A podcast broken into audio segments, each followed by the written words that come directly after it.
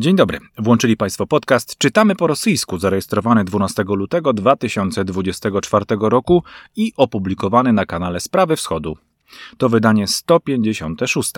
Dziś mówimy między innymi o kandydacie Dawankowie, który próbuje proponować współpracę Borysowi Nadjeżdżinowi, odsuniętemu od wyborów, oraz o sprawach najważniejszych dla Ukrainy po dymisji głównodowodzącego Waleria Załużnego. Przed mikrofonami usiedli Marcin Strzyżewski i Bartosz Gołąbek, ale będzie także głos Marii AI z wiadomościami z Białorusi.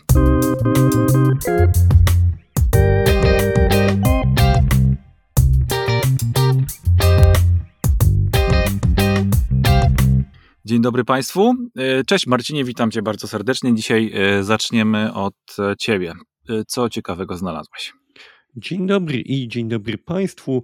Mamy kontynuację sytuacji z Borisem Nadjeżdinem, który, przypominam, jest niedoszłym kandydatem na stanowisko prezydenta Rosji i tutaj zaczynamy dostrzegać pewnego rodzaju sztafetę, ponieważ mieliśmy przypadek pani Duncowej, której nie zarejestrowano nawet na tym etapie, który umożliwiłby jej zbieranie e, dużej liczby głosów, która być może pozwoliłaby jej wystartować w wyścigu prezydenckim, ale jej nieoczekiwana, bo to jest taka postać po prostu znikąd, kandydatura wywołała duże emocje, a kiedy jej nie pozwolono zbierać podpisów, pojawił się na horyzoncie Boris Nadjeżdżin, człowiek, o którym nie powiemy człowiek znikąd, to już bardziej doświadczona figura, która e, tutaj się pojawiła z odmętów dawnej rosyjskiej polityki, jeszcze lat 90.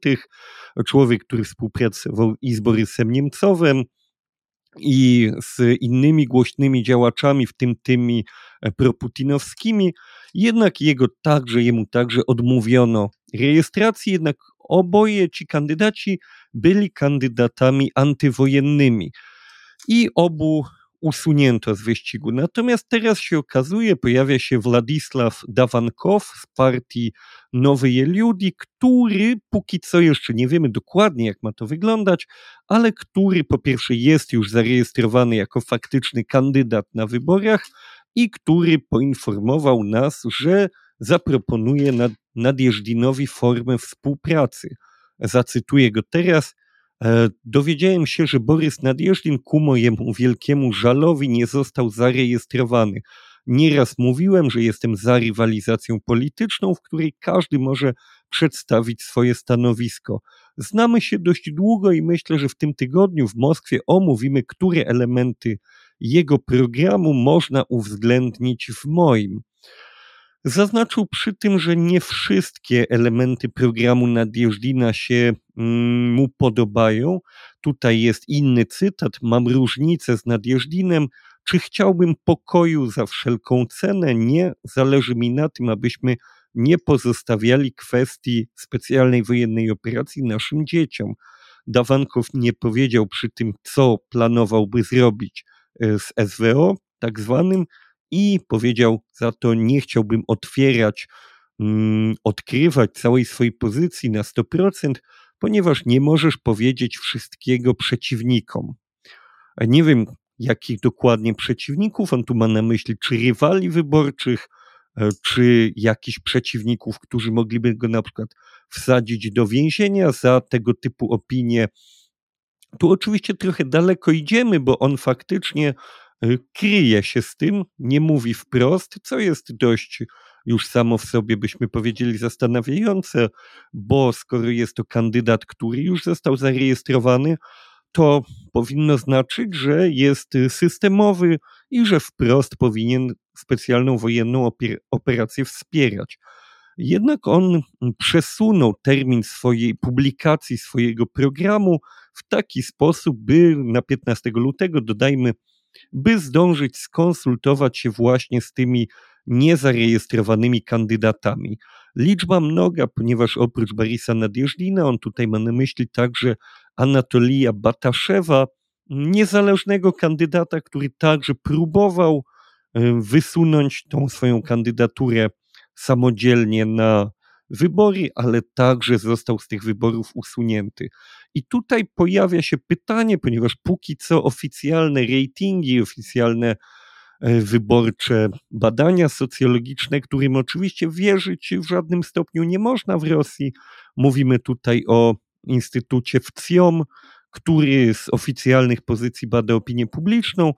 Dawankow ma w tej chwili drugą pozycję po Putinie, czyli Putin 75%, Dawankow 5%. Natomiast istnieje tutaj scenariusz, który może się okazać tylko oczywiście moją nadzieją, ale scenariusz, że teraz Dawankow, widząc jaką popularność daje głoszenie w Rosji haseł antywojennych, że po prostu zdecyduje się mm, do tych wyborów ogłosić y, antywojenny program swój, co byłoby oczywiście prawdopodobnie zmiękczone, żeby to nie był pro, program czysto opozycyjny. E, poddajemy się, e, płacimy reparacje, wycofujemy się z Ukrainy, oddajemy Krym, bo to prawdopodobnie sprowadziłoby na niego e, po prostu sprawę karną. Natomiast jakiś miękki antywojenny program, biorąc pod uwagę jego wypowiedzi o współpracy z Nadjeżdinem i biorąc pod uwagę właśnie to, jaką popularność tego typu postulaty się cieszą w Rosji, może się tutaj pojawić.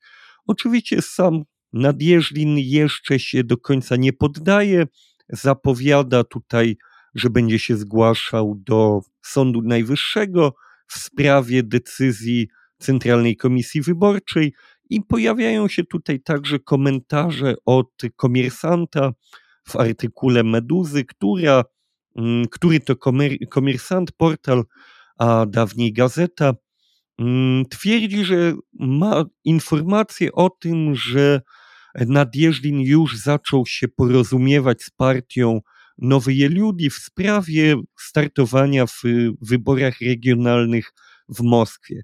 I administracja prezydenta podobno, według danych komersanta, chce pójść z Nadjeżdinem na pewnego rodzaju układ. To znaczy, jeśli Nadjeżdin będzie grał mm, legalnymi w Rosji metodami, nie wzywał do wystąpień ulicznych, do demonstracji y, i protestów, tylko będzie kierował swoje, e, swoje skargi przez Sąd Najwyższy i ewentualnie tam występował o mm, możliwość przeprowadzenia tak zwanych legalnych E, saglasowanych, czyli uzgodnionych mityngów, no to że wtedy będzie mógł się spodziewać łagodnego traktowania i że zostanie w tej polityce swojej e, małej regionalnej polityce e, zachowany z głową na karku przez administrację prezydencką, co brzmi jak standardowe prezydenckie w Rosji zastraszenie. Będziesz grał według naszych reguł, to będziesz sobie siedział spokojnie przy małym korytku. Nie powiemy, że przy korycie. Koryto to jest e, mebel dla poważnych ludzi w Rosji, ale przy korytku pozwolą mu zostać. Ciekawe, czy Nadjeżdżin y, wykorzysta ten e, przedwyborczy wiatr w żaglach opozycyjny, czy uspokoi się i wróci do grania według tych systemowych reguł, tak jak robił to ostatnich lat no ponad 20, więc tutaj istnieje duża szansa, że po prostu o tym człowieku zaraz przestaniemy słyszeć, ale pytanie właśnie brzmi, czy tej pałeczki nie przechwyci od niego Dawankow.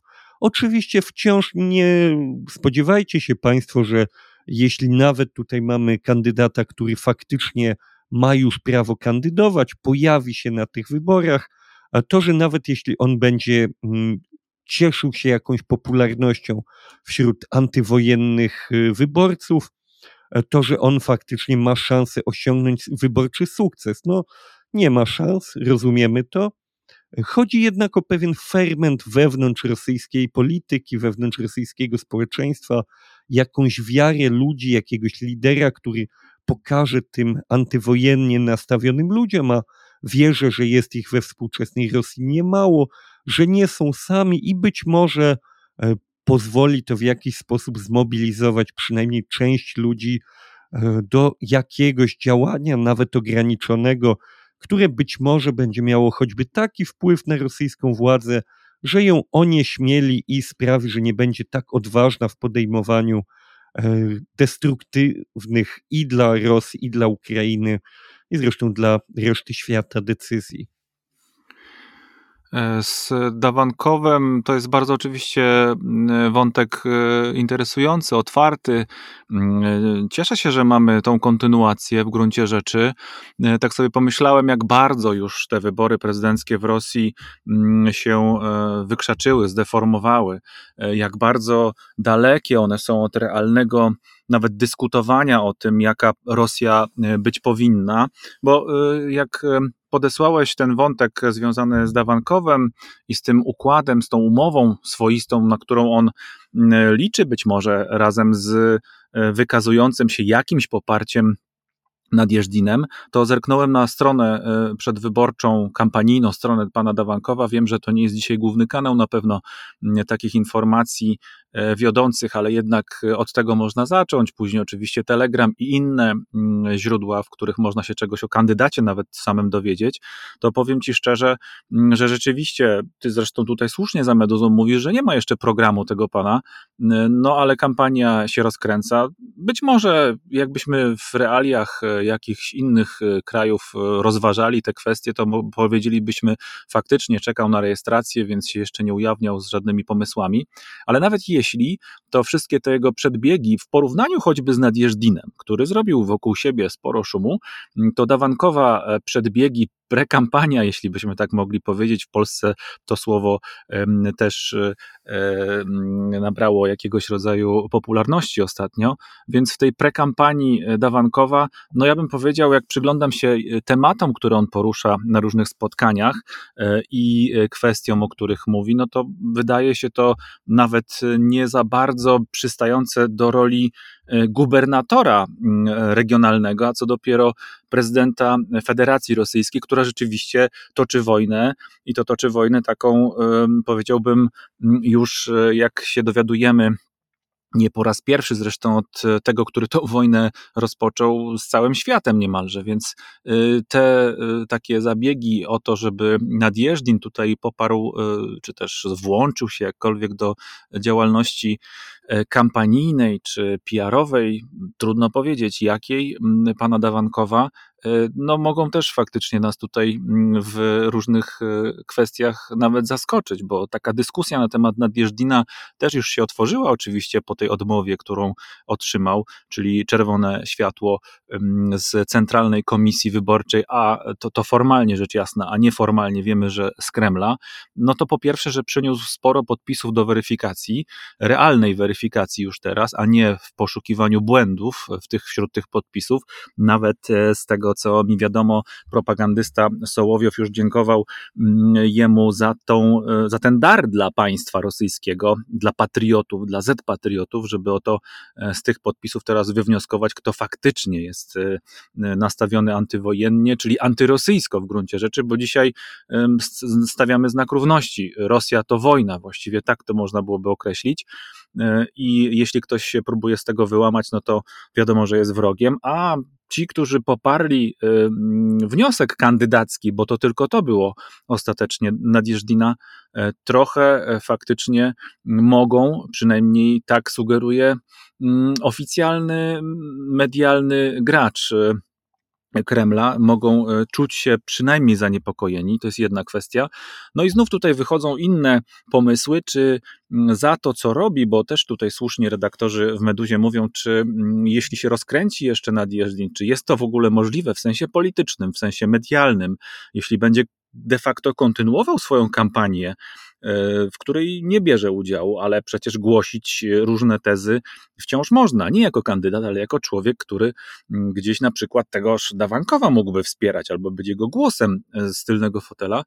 E, no to czy czasami nie spotka go kara, realna już kara, mm, albo druga strona, która mówi, E, tak jak też słusznie zwróciłeś uwagę, że to przecież jest człowiek o potężnej karierze w Rosji systemowej, mm, w Rosji Putina, bo e, gdzieś prze, prze, przenikał przez różne struktury przez 20 lat, więc być może wręcz przeciwnie, nie kara go czeka, ale nagroda za to, co zrobił, czyli to przyniesienie tych E, kilkuset tysięcy, może nie, ale tych kilkudziesięciu, umówmy się jednak, tysięcy podpisów, które faktycznie mogłyby e, zainteresować e, rosyjskie władze. Zobaczymy, co z tego wyniknie. Ja tutaj sobie zerknąłem jeszcze przy tej okazji odmowy kolejnej, bo to przecież w tej kampanii już też kolejna rezygnacja przed startem właściwie znaczy nie osobista Nadjeżdina, bo jego skasowano kandydaturę, ale mm, były takie rezygnacje też e, samodzielne niejako, e, najpierw zgłoszenia, a później wycofania.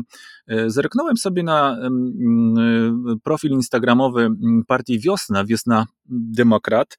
I tutaj podają autorzy, operatorzy tego konta, jak w 20 ostatnich lat, jak przez ostatnich 20 lat wyglądały te wybory bez wyborów, jeśli chodzi właśnie o wycofania kandydatur albo blokady kandydatur. Bo e, oczywiście pan Dawankow może nie widzieć, że polityczność odbywa się wtedy, kiedy mamy realny dostęp do e, ludzi, e, których reżim w jakimś zakresie się obawia tych ludzi już pousuwał. Oni są w więzieniach albo wyjechali mm, poza Rosję. I jak popatrzymy na ten katalog, tutaj naprawdę bardzo ciekawych wiele rzeczy i historia, um, warto ją sobie czasami prześledzić, bo, bo daje nam pełniejszy obraz. Więc jeśli Państwo pozwolą, bardzo króciutko, wybory w roku 2004, czyli po pierwszej kadencji Putina. Zresztą w pierwszej kadencji Putin już został wybrany nie przez e, ludzi de facto, ale nie przez społeczeństwo rosyjskie, ale przez ekipę, która go nam namaściła około jelcynowską ekipę. Z jego córką, e, mówię o Jelcynie na czele, ale w roku 2004 mamy zagadkową, na przykład zagadkowe zniknięcie kontrkandydata pana Iwana Rybkina, który był szefem e, Dumy Państwowej, czyli speakerem, jak się mówi po rosyjsku, a u nas moglibyśmy powiedzieć marszałkiem Dumy pierwszego, pierwszej kadencji. I on skonstruował taki le, lewa, lewicowo-centralny centryczny, e, tak, no można powiedzieć centrowy, lewicowo-centrowy taki blok i e, właśnie próbował się także jako kandydat zapisać, zarejestrować. Rzeczywiście złożył dokumenty, ale później przepadł. Okazało się, że znaleziony został w Kijowie i wycofał swoją kandydaturę. Trochę niejasna historia, warto sobie to pooglądać. Następnie mamy wybory roku 2008 i tutaj niedopuszczeni do wyborów, do kontrkandydowania wobec Putina są dwaj no, silni zawodnicy polityczni. Michał Kasjanow, były premier w pierwszej kadencji Putina i Gary Kasparow, popularny polityk, dysydent od tamtych lat, nie, nie świeży, ale już dawno temu to przecież e, za, wszedł na tą ścieżkę antyputinowską. W roku 2012 roku. Z kolei mamy niedopuszczenie do wyborów Grigorija Jawlińskiego z partii Jabłoko i areszt Aleksja Nawalnego. Po raz pierwszy tak silnie odznaczył się wtedy e, w tej e, kampanijnej grze. No a w roku 2018, bo e, mamy tutaj tą przekładkę roku 2018, mamy niedopuszczenie Nawalnego, dalej mamy mm, jego prześladowanie w sensie oczywiście prawnym i otrucie. Także no tutaj faktycznie kariera polityczna kandydatów doszłych i niedoszłych jest no bardzo, bardzo mm, skomplikowana i trudna, bym, bym chciał powiedzieć.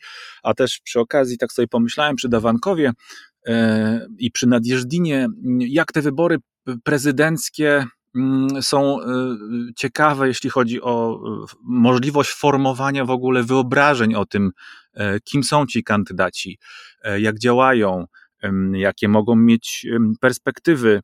Z pewną obawą i troską, dlatego też e, patrzę e, w roku tym i nadchodzącym na wybory prezydenckie w Polsce w gruncie rzeczy, powiem Ci Marcinie, bo ten świat rzeczywiście bardzo dynamicznie się zmienia i to, co słyszałem na przykład w ubiegłym tygodniu, jak troszkę nastawiłem ucha na e, polityczną scenę naszego kraju, przynajmniej e, z tych doniesień, które się zebrały, to rzeczywiście te nasze kandydatury też tutaj no, e, budzą pewnego rodzaju zastanowienie, przynajmniej jeśli nie zdziwienie. No ale to jest kwestia do rozstrzygania w polskich podcastach politycznych pewnie, aczkolwiek i u nas czasami takie wątki się zdarzają, bo jesteśmy sąsiadami tego wielkiego i strasznego w gruncie rzeczy wciąż wschodu.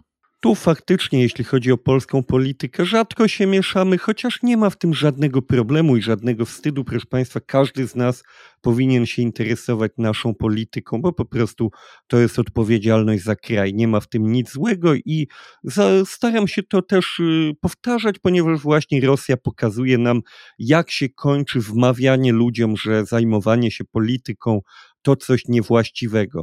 Natomiast teraz bym przeszedł do kwestii handlowych, eksportowo-importowych, ponieważ meduza, dzisiaj mam taki dzień, dwie meduzy mi się tutaj pojawiły, bo poprzedni materiał też stamtąd.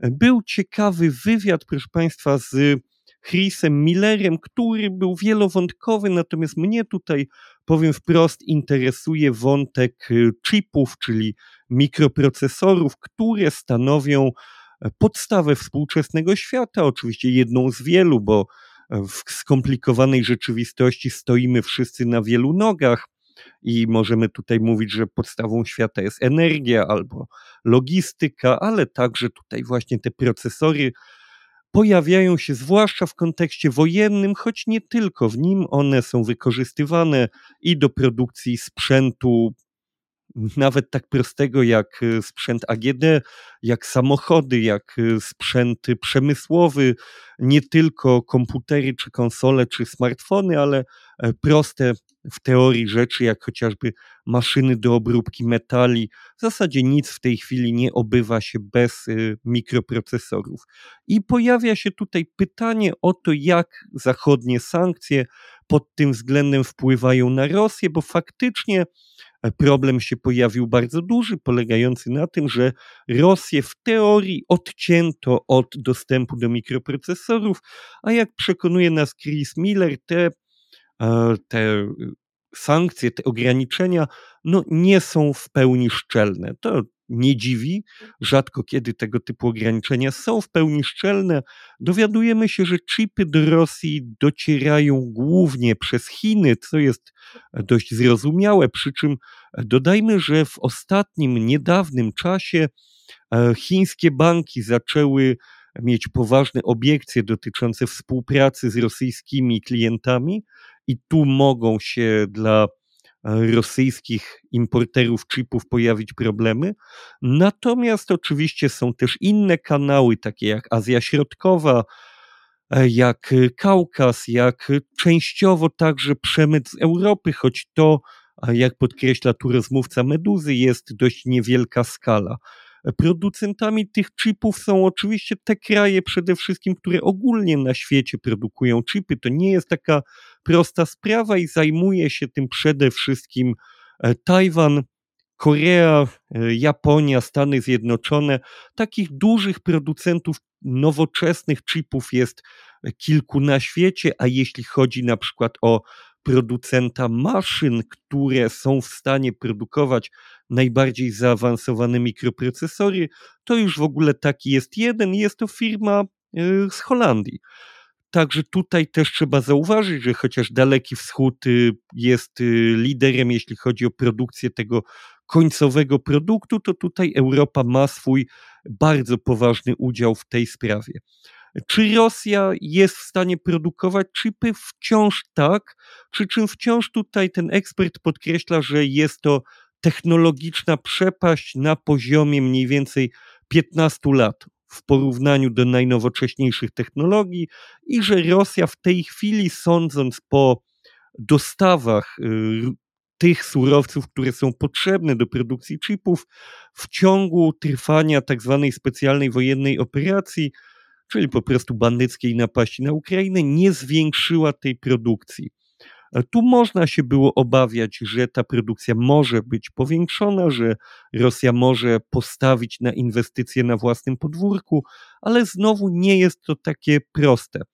A jeśli chodzi o projektowanie tych podzespołów i maszyny do ich produkcji, tutaj także trzeba się wykazywać bardzo e, poważnym, nie tak częstym na świecie know-how. Natomiast pojawia się też tutaj kwota za niepełny rok 2023 czytamy w wywiadzie Rosja sprowadziła e, chipów za miliard dolarów. z poza, przede wszystkim z państw zachodnich, może w ten sposób to ujmijmy. I tu trzeba sobie zadać pytanie, bo miliard dolarów z jednej strony brzmi jak poważne pieniądze, bo oczywiście w większości kontekstów, takich jak e, nasz budżet na wakacje, czy e, powiedzmy chęć zakupu mieszkania, no to miliard dolarów dla nas to są niewyobrażalne pieniądze. Natomiast mówimy tu o 140-milionowym kraju, o y, kraju, który zużywa duże ilości tego typu sprzętu do produkcji uzbrojenia, bo jak najbardziej praktycznie każde nowoczesne wyposażenie wojskowe wymaga chipów i czołg, i śmigłowiec, i rakieta, zwłaszcza rakieta, bo tego jest dużo, tego się zużywa, to jest produkt jednorazowy, e, drony, noktowizory, termowizory, no można tak wymieniać, samochody, w tym ciężarówki, w tym ciężarówki wojskowe e, i tak dalej, i tak dalej, i tak dalej. Więc czy miliard dolarów to dużo? Porównajmy to do czegoś, bo musimy mieć no, jakieś porównanie do, do jakiegokolwiek punktu odniesienia. Polska w roku 2021 sprowadziła według dostępnych y, w otwartym dostępie danych mikroprocesorów za miliard 730 milionów dolarów. Więc no nie dwa razy więcej, ale przynajmniej 50% więcej niż Rosja w 2023, posiadająca zwiększone wojenne zapotrzebowanie. I do tego dodajmy Rosja, która najprawdopodobniej płaci dodatkowe pieniądze w cenie tych mikroprocesorów za to, że po pierwsze trzeba je wozić okrężnymi drogami, tu już sama logistyka po prostu dodaje się do tej ceny. Dodatkowo oprócz banalnych kosztów transportu są jeszcze dodatkowe marże dla firm, które podejmują pewne ryzyko, handlując z Rosją tego typu strategicznymi, obłożonymi sankcjami towarami, bo to jest ryzyko wpadki, ryzyko, że ktoś, kto tego typu handel organizuje, może mieć po drodze na jakimś etapie problemy. Więc wydaje się, że ten miliard dolarów, biorąc pod uwagę, że jednak Polska jest y, znacząco mniejsza, jeśli mówimy po prostu o liczbie ludności, no, że jednak ten miliard dolarów przy takich warunkach, które tutaj starałem się opisać, to nie jest aż tak dużo. Oczywiście bardzo poważne pytanie brzmi, jak wygląda ta marża e, nałożona na Rosję przez pośredników, ile Rosja musi dopłacać, żeby takie mikroprocesory zdobywać. Sytuacja więc pozostaje z jednej strony nieprzyjemna, jest zdecydowanie nad czym pracować, bo przecież te mikroprocesory zabijają ludzi po prostu, więc to nie jest sytuacja, z której powinniśmy się w jakimkolwiek stopniu cieszyć. Z drugiej strony widzimy, że chyba sytuacja też nie jest aż tak jednoznacznie pozytywna, że po prostu sankcje nie działają i koniec, bo Rosję prawdopodobnie stać by było na więcej niż miliard dolarów do wydania na e, chipy. Mówimy tutaj o budżetach y, wojskowych w 2023 roku na poziomie ponad 50 miliardów dolarów, więc ten 1 miliard, a tu mówimy o wszystkich mikroprocesorach, a nie tylko tych na potrzeby wojskowe, no to to nie są jakieś potężne pieniądze. Myślę, że gdyby nie było ograniczeń, mogliby wydać więcej i sprowadzić więcej, ale podkreślę, ciągle jest nad czym pracować i yy, co uszczelniać, bo wydaje się, że jeszcze powinniśmy tę śrubę dokręcać, żeby te kolejne świeże rakiety nie spadały na ukraińskie miasta dokręcać i do, dokręcać jeszcze więcej śrub w ogóle, nie tylko tą jedną. Masz rację, zupełnie się z Tobą zgadzam. Absolutnie e, to prawda, wszystko co powiedziałeś. Mm, cieszę się, że sięgnąłeś do akurat do mm, Chrisa e, Millera, do tej rozmowy, bo to bardzo ciekawy e, analityk i intelektualista. Myśmy tutaj troszeczkę już kiedyś z Państwem rozmawiali o tym jego ciekawym tekście E, wielka wojna o chipy i to jest w jakimś sensie ten wywiad Meduzy to jest troszeczkę nawiązanie do tego y, naprawdę y, znakomitego tekstu, czyli jak Stany Zjednoczone i Chiny walczą o technologiczną dominację nad światem. Jeśli mógłbym tutaj się odwołać do tej książki i zacytować Państwu fragment, to byłoby może też ciekawe i na miejscu, bo książka nie jest o Rosji, to trzeba powiedzieć, chociaż przemyka tutaj w kilku miejscach ten kraj, a sam Władimir Putin też tu się pojawia i taki cytat ze strony 441 tego polskiego przekładu chciałem Państwu mm, pokrótce mm, przywołać. Tak jak o wyniku zimnej wojny, cytuję, zadecydowały elektrony poruszające się w komputerach naprowadzających amerykańskie pociski rakietowe, tak przyszłe bitwy mogą rozstrzygnąć się w widmie elektromagnetycznym. Im bardziej siły zbrojne różnych krajów uzależniają się od czujników elektronicznych i komunikacji bezprzewodowej, tym bardziej będą musiały się skoncentrować na walce o dostęp do fal elektromagnetycznych potrzebnych do wysyłania informacji lub wykrywania i śledzenia przeciwnika. Doświadczyliśmy już przebłysku tego, jak będą wyglądały operacje wojenne w widmie fal elektromagnetycznych. Na przykład Rosja w czasie wojny z Ukrainą używa różnych urządzeń zakłócających pracę radarów. Podobno rosyjski rząd blokuje również sygnał GPS podczas oficjalnych podróży prezydenta Władimira Putina, być może ma to służyć zwiększeniu jego bezpieczeństwa. No, co do blokady, to już nie cytat, to już mój głos i moje myśli. Co do blokady sygnału GPS, to z całą pewnością to się dzieje. Doświadczają tego nawet w Moskwie obywatele Federacji Rosyjskiej, specjalnej Federacji Rosyjskiej. A co do Władimira Putina, no cóż, co, co może jeszcze zwiększyć jego bezpieczeństwo? Trudno mi się nad tym tak naprawdę e, pochylić e, i, i, zastanowić, co, co jeszcze można byłoby zrobić, skoro na przykład profesor Sołowi cały czas twierdzi, że już Władimira Putina nie mamy wśród żywych, e, ale cały czas ktoś tutaj gdzieś wygląda jak Putin mówi, jak Putin i pracuje swoim kagiebowskim mózgiem jak Putin, żeby dalej ludzi mordować. Szkoda wielka że tak to się dzieje.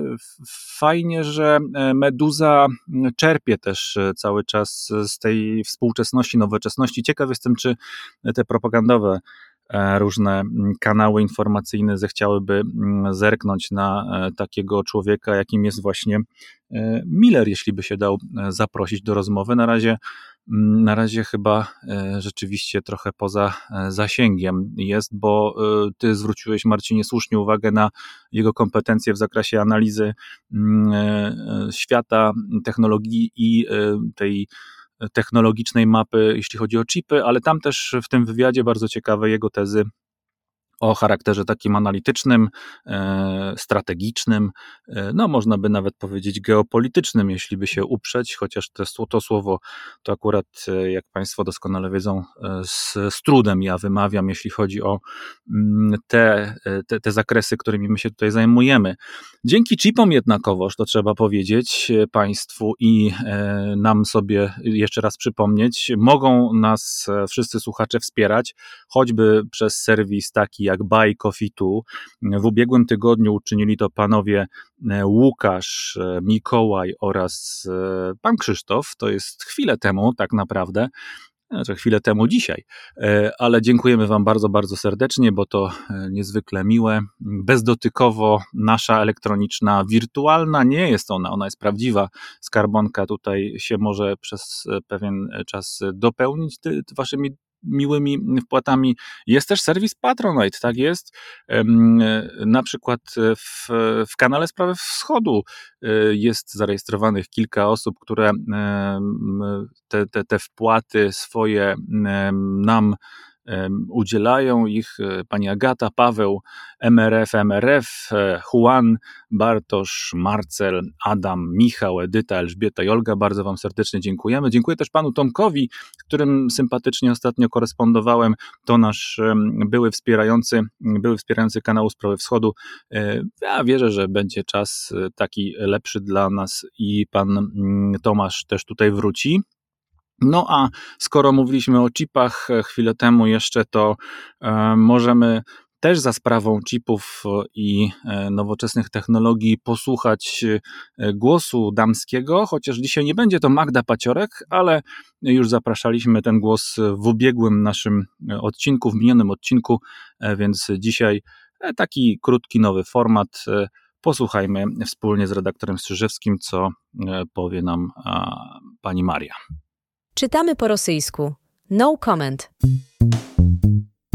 10 lutego zakończyła się trzydniowa oficjalna wizyta prezydenta Białorusi Aleksandra Łukaszenki w Uzbekistanie. Jego uzbecki odpowiednik Szafkat Mirziojew nazwał wizytę Łukaszenki historyczną. Prezydenci obu państw przez kilka dni omawiali przyszłość stosunków dwustronnych w różnych formatach. Obejrzeli mecz hokejowy, podpisali szereg porozumień biznesowych, a także skorzystali z uroków stoku narciarskiego Amirsoj niedaleko Taszkentu, gdzie Aleksander Łukaszenka osobiście testował przygotowanie tras narciarskich. Prezydenci odwiedzili także Technopark. Jest to grupa zakładów koncentrujących się na produkcji zastępujących import produktów przemysłowych i elektronicznych urządzeń gospodarstwa domowego i materiałów budowlanych. Wśród głównych partnerów kompleksu znajdują się włoskie firmy Pietro Fiorentini i Ferroli oraz Samsung Electronics. Według prezydenta Uzbekistanu w ostatnich latach udało się radykalnie zmienić charakter i treść stosunków uzbecko-białoruskich, przenosząc je na jakościowo nowy poziom. Nigdy w historii naszych stosunków nie było takiego wzajemnego zrozumienia, takich realnych rezultatów, powiedział prezydent Uzbekistanu. Siłą rzeczy dla każdego państwa w tej chwili jest to ważny temat. Nawet dla Białorusi traktory też e, produkuje się przy użyciu tej nowoczesnej technologii, e, której oczywiście Białoruś też e, no, nie produkuje, a na pewno nie w takiej ilości, jakiej im jest to potrzebne. Otóż to, więc to nie był komentarz, drodzy Państwo, bo wszystko, co my mówimy poniżej dwóch minut, to nie jest komentarz, więc to jest no comment, trzymamy się tego mm, dalej. A teraz, jeśli e, pozwolicie, e, przejdźmy do wątków, które mm, zwróciły moją uwagę i co jest ważniejsze w sensie gatunkowym dzisiaj, w zeszłym tygodniu oczywiście, to co się wydarzyło, dzisiaj w poniedziałek 12 lutego? Czy to, co zjadł przed wywiadem z Putinem Tucker Carlson, czy jednak zmiany na stanowiskach głównodowodzących armią Ukrainy? I jednak według mnie zdecydowanie ważniejsze wydaje mi się, żeby porozmawiać o dymisji, czy też odejściu, bo tu zapewne słowa mają znaczenie generała Waleria Załużnego ze stanowiska głównodowodzącego siłami mm, zbrojnymi Ukrainy. To się stało 8 lutego. Biuro prezydenta Zełenskiego zamieściło dość długo już utrzymującą się w przestrzeni publicznej, mm, e, znaczy zamieniło dość długo już utrzymującą się w przestrzeni publicznej plotkę fakt, bo e, to chcę Państwu przypomnieć jako właśnie taki swoisty, mm, swoistą kontynuację. Dzisiaj druga kontynuacja po dwóch meduzach od Marcina Strzyżewskiego, jedna z tych meduz, czy też mówmy wprost, tekstów z meduzy był poświęcony Nadjeżdżinowi, a konkretnie Dawankowi, Dawankowowi z Nadjeżdżinem w związku, mm, to tutaj też mamy swoisty follow-up, bo mówiliśmy o tej plotce, która wypłynęła już e, do świata publicznego na temat e, dymisji szefa e, wojska, szefa sztabu generalnego Ukrainy 13 listopada, drodzy Państwo, w 2023 roku. To było wydanie 144 naszego podcastu Czytamy po rosyjsku. Mówiliśmy to mm, w kontekście tego, co podawało rosyjska, podawała rosyjska sekcja BBC, ale e, uznają Państwo, że to spory kawałek czasu było noszone e, i wożone e, w te i we w te. 12 luty w zeszłym tygodniu ta decyzja została sfinalizowana. Łatwo mi się szukało, kiedy mówiliśmy o tym i też Państwu to podpowiadam, bo przy 155 odcinkach naszego podcastu to już jest e, sporo materiału, który można przeszukiwać poprzez naszą wyszukiwarkę. Nie idealną, ale mnie nigdy nie zawiodła, to prawda. E, na stronie e, sprawywschodu.wordpress.com tam są tak naprawdę wszystkie odcinki udostępnione. E, jeśli Państwo nie chcą szukać tego w YouTubie, w Spotify, w innych serwisach, to można tam po prostu sobie to przejrzeć. No i wrzucając na przykład Załużny, e, wy, wychodzą nam wydania podcastu, w którym to nazwisko przynajmniej w opisie się pojawiło, a to było ważne. No więc ta postać, e, wydaje się, e, ta wymiana głównodowodzącego w czasie trwającej wojny obronnej jest e, wielkim tematem od dawna. No i jest świadectwem też jego wielkiej skuteczności, bo nie da się tego ukryć, że gdyby nie faktyczna siła i efektywność i mądrość z całą pewnością załużnego. No po prostu, gdyby Ukraina upadła po pierwszych dwóch, trzech, czterech dniach, tygodniach, miesiącach, drodzy Państwo, już jesteśmy w trzecim roku wojny, to nie byłoby tej rozmowy. W ogóle byśmy tego tematu nie podejmowali prawdopodobnie. Być może nawet e, stawiam mm, garstkę orzeszków przeciwko kasztanom, że nawet nie wiedzielibyśmy, oprócz ekspertów, kto miał dowodzić tą obroną, kto byłby głównodowodzącym wówczas w przegranej mm, e, wojnie. Ale jesteśmy w zupełnie innej sytuacji. Y, I tutaj też się cieszę, bo to swoista korespondencja z odcinem, odcinkiem na YouTubie niedzielnym, y, który Marcin y, wydał, opublikował w kontekście wojny informacyjnej, ale też korupcji, bo Ukraina sama ze sobą rzeczywiście walczy. Tutaj pełna zgoda z Tobą, Marcinie, o tym mówiłeś, słuchałem tego uważnie, to prawda. Więc taka walka polityczna, w Ukrainie y, istnieje i ona moim zdaniem e, to, co opisuje mm, wielu e, analityków i ekspertów, tutaj mm, po prostu zadecydowała o tych ruchach, choć może dziwić jednak, że e, od jesieni zeszłego roku mm, to było faktycznie mm, zatrzymywane e, lub przesuwane. E, ja patrząc na to, jak to jest oceniane przez świat zewnętrzny, głównie jednak, a nie ukraiński wewnętrzny, sięgnąłem do tekstu Carnegie mm, pana Konstantina Skorkina i on tutaj ciekawe rzeczy też eksponuje, czasami nawet powtarza już bo one padły w przestrzeni publicznej e, z, jako głos komentatorów. Więc pierwsza rzecz, o której on mówi, to jest to, że e, od samego początku, a tym początkiem było tak naprawdę przetrwanie pierwszej fazy wojny. To jest ten początek, czyli w gruncie rzeczy nie wiemy, kiedy to było. Tu, Marcinie, pewnie moglibyśmy długo analizować, czy to odparcie ataku na lotnisko podkijowskie, czy to jakieś inne elementy były tymi przełomowymi. Dzisiaj to trudno jest bardzo ocenić. Tak czy inaczej, przetrwanie kolejnych dni, kolejnych tygodni, pewnie raczej mówimy o tygodniach, e, ustanowiło te relacje między Zełenskim a Załużnym jako E, dosyć e, e, intrygujące, bo jak twierdzi komentator, tutaj one wyglądały niemalże jak z hollywoodzkiej opowieści. Najlepsi ludzie w kraju, prezydent, generał, prezydent były aktor, generał, jeden z pierwszych w ogóle generałów, którzy nie byli wykształceni w systemie sowieckim w pełni, no i stanęli w ramię w ramię w obronie kraju. No nic dziwnego, że zachodnie ukraińskie media stworzyły no, tak naprawdę prawdziwy kult tych bohaterów. Pewnie mm, zaraz coś dopowiesz w tej kwestii, bo bywając tam nieraz pewnie widziałeś w zasadzie taką, powiedziałbym nawet mm, brutalną monetyzację tych wizerunków, prawda?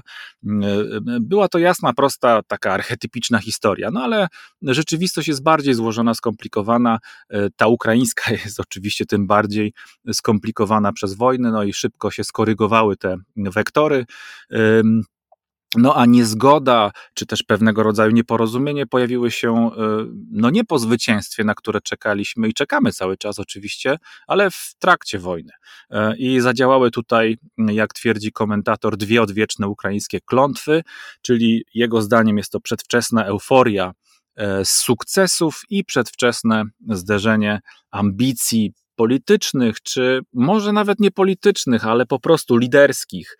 E, Zełenski zainwestował całą swoją światową wiarygodność medialną w obraz nieuchronnego zwycięstwa Ukrainy w wyniku udanej kontrofensywy, to mówimy o zeszłym roku, a po jej niepowodzeniu, chyba nie ma co do tego dzisiaj wątpliwości większych, poczuł się oszukany przez wojsko. To jest teza e, kluczowa tego tej analizy. No i stało się jasne, że ukraiński prezydent nie będzie dłużej tolerował niezależnego głównodowodzącego i autonomii armii w ogóle. Moratorium na wzajemną krytykę zostało zniesione, a polityka szturmem wdarła się do e, biur, do gabinetów Kijowa. Chociaż jak obserwowałem prezydenta Zełenskiego, to otoczenie gabinetu prezydenckiego, no to wyglądało na to, że oni po prostu zmieniają w sztafecie mm, grupę dowodzącą. Tak to jest przekazywane, zupełnie roztropnie. Mnie się to podoba, ten styl. Nie słyszałem ani nie widziałem póki co jeszcze żadnych e, komentarzy ze strony e, założonego. Nie było ich ani odnośnie tego, co dalej z nim, ani odnośnie propozycji, która być może po prostu proforma była skierowana, żeby został właśnie w ekipie. Mm, no ale to lepiej dla sprawy według mnie, chociaż e, nie będę zdziwiony, jeśli się coś niebawem pojawi to będzie po prostu naturalnym też potwierdzeniem tego, o czym piszą specjaliści, którzy znają się dużo, dużo bardziej precyzyjnie na tym, co się dzieje w Ukrainie, czyli rzeczywiście, że ten konflikt polityczny tam jest głęboko założony, a nie tak po prostu. Główne dowodzenie, jak Państwo być może doskonale wiedzą, e, powierzył Zełenski e, pułkownikowi, generałowi Aleksandrowi Sryskiemu, e, który, jak twierdzą też specjaliści, ci, którzy obserwują armię ukraińską z bliska, jest całkowitym przeciwieństwem założnego. Ja bym był tutaj ostrożniejszy w tych akurat deklaracjach. Nie wierzę w to, że jest całkowitym przeciwieństwem. Na pewno to jest inny styl, e, inny człowiek, inna osobowość, inne doświadczenie, ale co do przeciwieństw, no cóż, jeśli to jest matematyk, jak twierdzi także Dzisiaj ukraińska sekcja BBC, e, Światosław Chomienko i jego e, rozmówcy, to w matematyce, drodzy Państwo, jeśli chodzi o wynik, on powinien się zgodzić wszystkim, niezależnie od tego, czy liczymy e, w Ameryce Południowej, czy w Japonii, czy w Finlandii, to 2 plus 2 będzie 4. I w związku z tym, jeśli tym 4 jest zwycięstwo Ukrainy w wojnie, no to E, będzie tylko pytanie, jakimi e, kalkulacjami będzie to podbudowane, ale wynik musi się zgodzić. No, liczę, że tak to się właśnie potoczy i że mm, ta zmiana na stanowiskach głównodowodzących, bo ona jest hurtowa, by można rzec tak, e, no ona będzie przepływała bezboleśnie.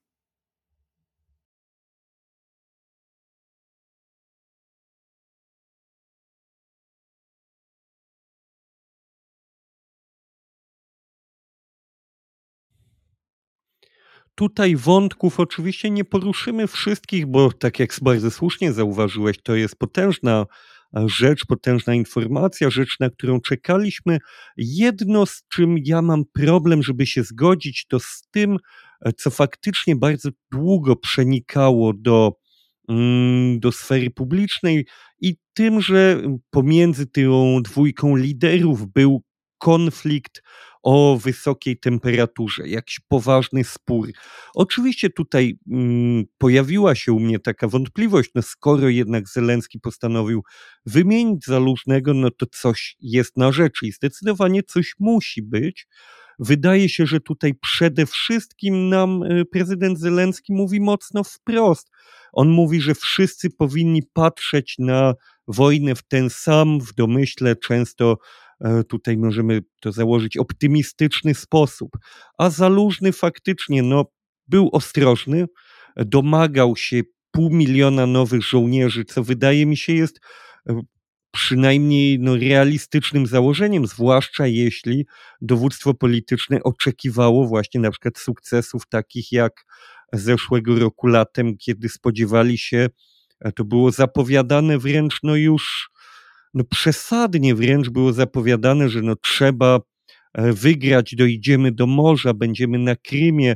E, to były daleko zawyżone, jak się okazało, oczekiwania. Niestety to nie zagrało na korzyść Ukrainy e, i że tu prawdopodobnie po prostu prezydent chciałby kogoś bardziej optymistycznie nastawionego do sytuacji, tu mam pewne obawy, czy przypadkiem nie pojawią się, albo czy już się nie pojawiły na nowego generała syrskiego naciski, chociaż mm, głównodowodzący syrski jest y, nowy na tym stanowisku, a od początku wojny pełnił funkcję dowódcy sił lądowych, więc jedną z najwyższych w armii wciąż, y, więc to nie jest jakiś człowiek spoza systemu. Natomiast ciężko mi uwierzyć, że ten konflikt to jest jakaś faktyczna wrogość, po ceremonii wręczenia, po ceremonii wręczenia um, orderu Gwiazdy Bohatera Ukrainy i prezydent Zelenski wręczał ten y, order, to odznaczenie generałowi Zalużnemu, który podał rękę, przytulił się, uśmiechnął, a potem przytulił jeszcze raz e, na takiego misia, co mm, no w przypadku akurat tego konkretnego e, człowieka, no na misia jest bardzo opisowym e, sposobem na powiedzenie o tym, e, o tym uścisku. no było w tym geście widać jakąś serdeczność, która wykraczała poza ramy pewnego, nazwijmy to, wymuszenia na wynikającego z chęci pokazania Ukraińcom, że jest wszystko w porządku, bo to też trzeba brać pod uwagę. E, od początku mówiłem, że ci ludzie mogą wchodzić ze sobą w jakiegoś rodzaju konflikty wynikające z tego, że jest to dwóch mocnych liderów, którzy obaj walczą o to, co jest im najdroższe w tym momencie, więc e, każdy z nich podejrzewam zakłada, że jego droga jest tą najlepszą, więc ten konflikt miał prawo się tu pojawić, ale wydaje mi się, że po tej demonstracji serdeczności to po prostu nie wygląda jak jakaś faktyczna wrogość, co bardziej no, może nieporozumienia, może jakiegoś rodzaju wymęczenie generała Zalużnego. Tutaj też mówimy o człowieku, którym no, uważam, że przeszedł na tyle wiele, że jakiś odpoczynek po prostu mu się też należy. Z drugiej strony, tu jeszcze a propos nowego dowódcy i tego, e, co mówiłem o jakichś naciskach na efekty, tu oczywiście cały czas obserwujemy wydarzenia w Awdijewce, jednym z najbardziej gorących odcinków frontu. Tutaj no, dopiero co, czyli bardzo e, szybko po ogłoszeniu zmiany na stanowisku dowódcy, głównego dowódcy, pojawiła się informacja o tym, że trzecia brygada szturmowa jedzie do Awdijewki, co byłoby dużym wzmocnieniem, dużą inwestycją sił w ten kierunek. Niektórzy się obawiają, że Awdijewka może tak jak Bachmut być e, długo trzymana w rękach przez Ukraińców, co według krytyków tej decyzji doprowadziło do nadwymiarowych, niepotrzebnych strat w armii ukraińskiej. Jak dokładnie wyglądała kwestia strat w armii ukraińskiej w bitwie bachmuckiej, no to są też nasze domysły przede wszystkim, ale no tutaj trzeba wyraźnie e, podkreślić, że trzeba obserwować tę sytuację, tę dynamikę, czy przypadkiem polityczne dowództwo nie będzie wymuszało na dowództwie wojskowym jakichś y, ruchów nierozsądnych po prostu. Natomiast jeszcze tu wspomniałeś o moim odcinku o korupcji. I faktycznie w kontekście generała Zalusznego, no myślę, że nie tylko ja jeden zadałem sobie pytanie, dokąd może w tej sytuacji e, pójść Walerii Zalusznej, bo wątpię, prawdę mówiąc, żeby ten człowiek w tej sytuacji, wojna jest daleka od końca, żeby on ubrał kapcie, y, włożył do ust fajkę i zaczął pisać pamiętniki. E, to nie wydaje się ten typ człowieka, Wątpię też, żeby prezydent Zelenski i jego ekipa e, byli na tyle głupi, po prostu wprost, e, nazwijmy to po imieniu, żeby tego człowieka odsunąć od zadań państwowych. I jak o tym myślałem, to przyszło mi do głowy, że być może doskonałym wykorzystaniem autorytetu, żelaznego autorytetu tego człowieka, on jest czasem określany jako żelazny generał właśnie, byłoby postawienie go na przykład na czele e, Narodowego Biura Antykorupcyjnego. Żeby ten człowiek, który jak mało kto inny zdaje sobie sprawę z tego, jaki koszt ponoszą ludzie w okopach, kiedy ktoś e, wkłada sobie do kieszeni 100 dolarów podatnika, człowiek, który zawsze był znany z tego, że walczył o życie swoich żołnierzy, że zawsze dla niego wartością e, było zachowanie zdrowia i życia podwładnych. Jeśli ten człowiek stanąłby na czele e, tej ogromnej bitwy walki z korupcją wewnątrz Ukrainy, prawdę mówiąc, no, chwyciłbym w tym momencie E, tak, mówiąc metaforycznie, bo zająłbym się zupełnie czym innym, ale chwyciłbym do ręki popcorn i patrzył, jak, e, jak ci ludzie, którzy zajmowali się w Ukrainie nieuczciwym wydawaniem publicznych pieniędzy, e, jak się zaczynają trząść ze strachu, myśląc o tym, jak ten człowiek do nich podejdzie. Mm, prawdę mówiąc, jest to jeden z tych przypadków, zupełnie bym powiedział, dziwacznych, kiedy człowiek, w tym przypadku ja, zaczyna się tak bardzo, e, zaczyna tak bardzo się cieszyć swoim własnym pomysłem, e, że aż po prostu zaczynam się no tutaj ekscytować tą wizją, bo to wydaje mi się przyniosłoby wiele korzyści i myślę, że przy okazji mielibyśmy bardzo wiele ciekawych tematów do omawiania. Myślę, że to mógłby być jeden z przykładów później omawianych przez historyków, jak głównodowodzący armii stanął do takiej walki, bo myślę, że mogłaby być to walka, w której on by się ostatecznie mógł okazać zwycięzcą i byłoby to z pewnością ogromną korzyścią dla samej Ukrainy i jednym z, jak mi się wydaje, ciekawszych wykorzystań e, tego talentu. A mnie z kolei, ja na popcorn zapraszam. E, mamy taką maszynkę powietrzną, znaczy grzeje powietrze.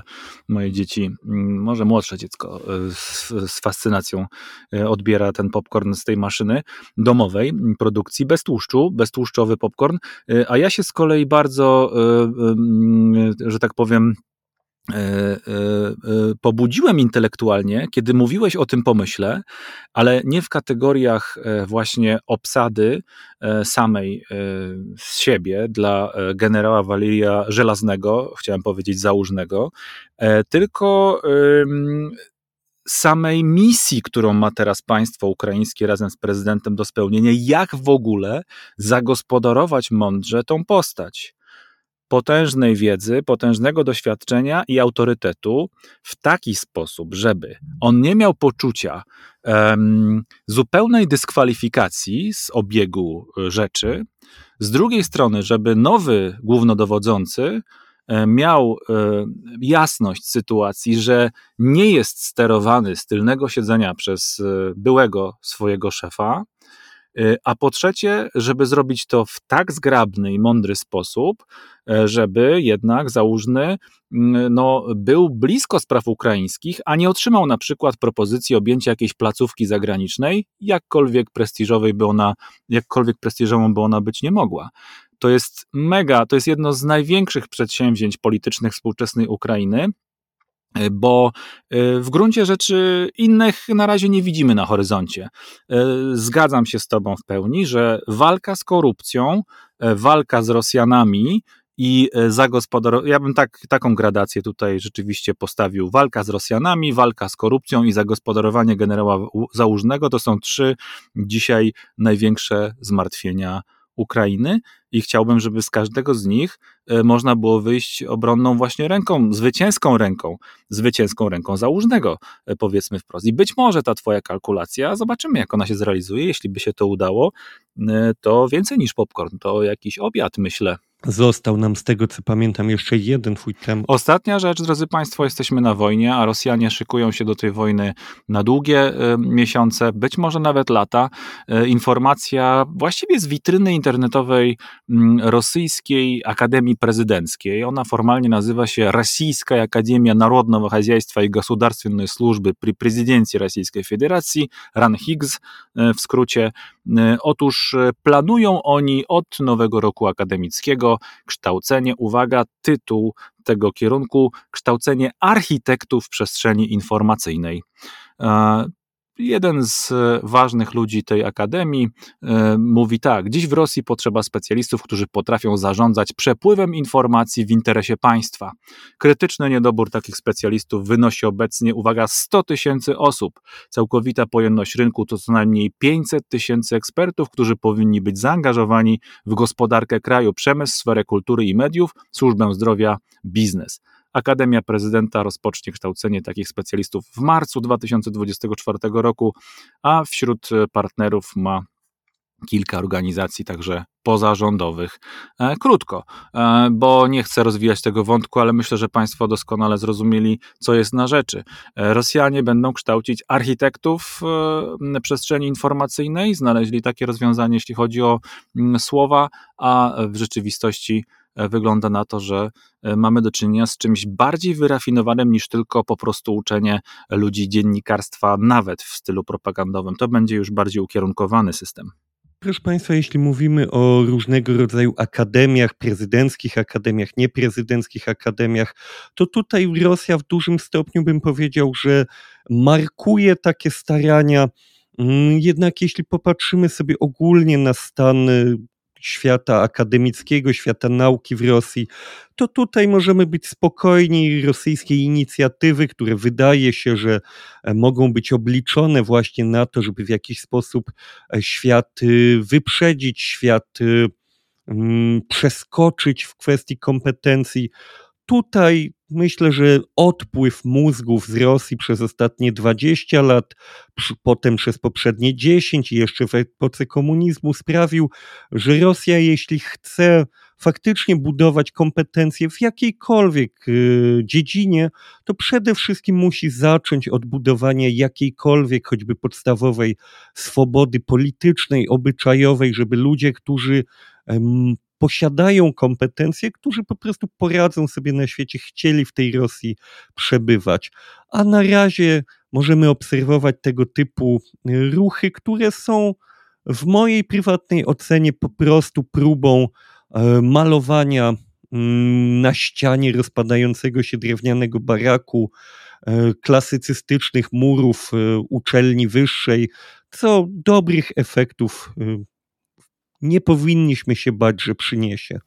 I tymi e, słowy e, będziemy kończyć dzisiejsze nasze mm, spotkanie z Państwem. Dziękuję bardzo serdecznie. Marcinie, za wlanie troszeczkę nadziei w nas, że wszystko e, będzie jednak lepiej niż to z boku przynajmniej wygląda. Serdecznie Państwu dziękujemy za uwagę i zapraszamy do słuchania. Czytamy po rosyjsku, jak zwykle co tydzień. Jesteśmy w późne wieczory poniedziałkowe, a później przez cały tydzień. Do usłyszenia. Dzięki Marcin. Dziękuję pięknie. Przed zakończeniem pragniemy Państwu przypomnieć, że w opisie do każdego odcinka podcastu autorstwa Bartosza Gołąbka i Marcina Strzyżewskiego odnajdą Państwo linki do materiałów, na których temat dyskutowali panowie redaktorzy. Oczywiście gorąco zapraszamy do subskrypcji kanału Sprawy Wschodu w Spotify, YouTube, Instagramie i w Facebooku. Będziemy również wdzięczni za Państwa donacje do skarbonki Buy Coffee 2. Zapraszamy także na naszą witrynę internetową www.sprawywschodu.wordpress.com. Do usłyszenia!